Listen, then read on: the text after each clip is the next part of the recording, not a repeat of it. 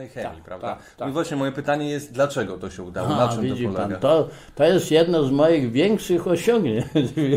I, się, I jest do tej metody.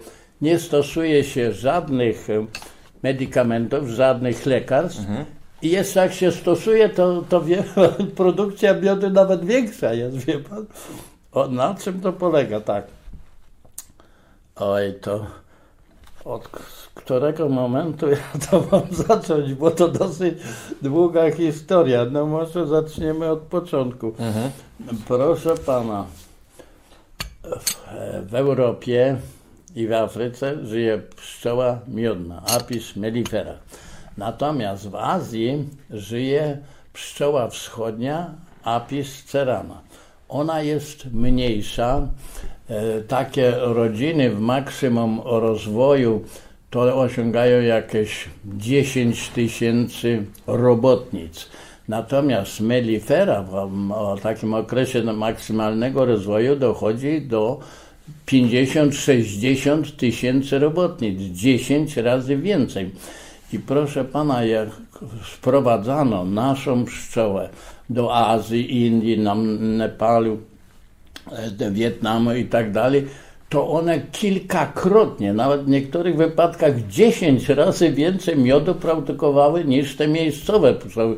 Bo jest tak, wie pan, że jak jest rodzina dwa razy silniejsza, czyli dwa razy więcej osób, to ona nie zbiera dwa razy więcej, tylko zabierze cztery razy więcej.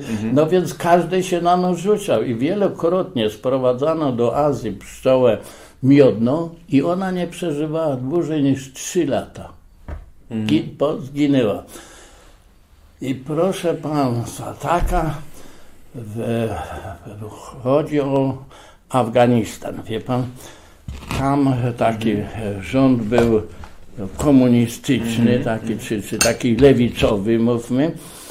No i to rząd wieloma takimi rzeczami się zajmował i, i, i sam rząd, wie pan, miał 3000 rodzin pszczelich, uli. I wie pan, po trzech latach zostało 100. No i sprowa- e, poprosili VO o pomoc, no i mnie tam posłali. No i ja tam przyjechałem, gdzieś tak w marcu przyjechałem. Mówię, no to tak źle tutaj u was jest, to no to pójdziemy zobaczyć. To o warozę chodziło, o warozę. Pójdziemy zobaczyć. Szukamy, w żadnym ulu nie było, nie było warozy, wie pan? Mówię, no jak to, no tu, tu mnie mówicie, że zginęło z 3000 100 zostawać, pokażcie mi gdzie. A, bo to w, w, w zimie to on sch- schodzi do ziemi i na myszach przezimowuje. A wie pan, było coś zmieszane, bo te myszy tam gdzie indziej były i tak dalej, te, te myszy zjadały, wie pan, te martwe pszczoły i jak na nich były te roztocze, to przeszli na myszach, znaleźli na myszach i myśleli, że na tych myszach. No i nie było. Ja tu siedzę i mówię, no i co? I proszę pana, w maju zaglądamy, a tu waroza we wszystkich ulach jest. O, e, ten, ten e, to tropilelaps jest we wszystkich ulach. No to co mówię, jakoś tu, tu nie było, a potem jest. No to wie pan, e, waroza w Europie, no i w każdym razie wszędzie, przeżywa zimę. Może przeżyć 5 miesięcy. Ona normalnie składa jaja, rozwijają się na czerwiu, na larwach, ale dorosłe osobniki są w stanie przebić błonę pomiędzy segmentami pszczoły i na starych pszczołach pomiędzy segment wejdzie, przebije i się ten hemolimfo się żywi.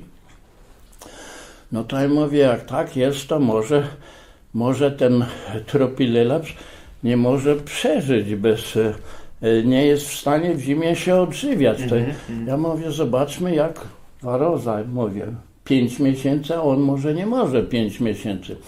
No to chciałem sprawdzić, jak długo będzie na pszczołę. Wobec tego kładłem na pszczołę y, tego tropilelapsa do probówki, tak, no i teraz trzeba było, wie pan, żeby to obserwować, trzeba było y, zaglądać dzień i noc i tak dalej, ale tam się okazało, że tam w Ministerstwie Rolnictwa ani tam na nie było, nie było e, cieplarki.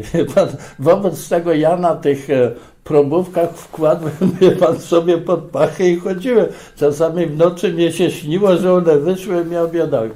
No i proszę pana, co się okazało?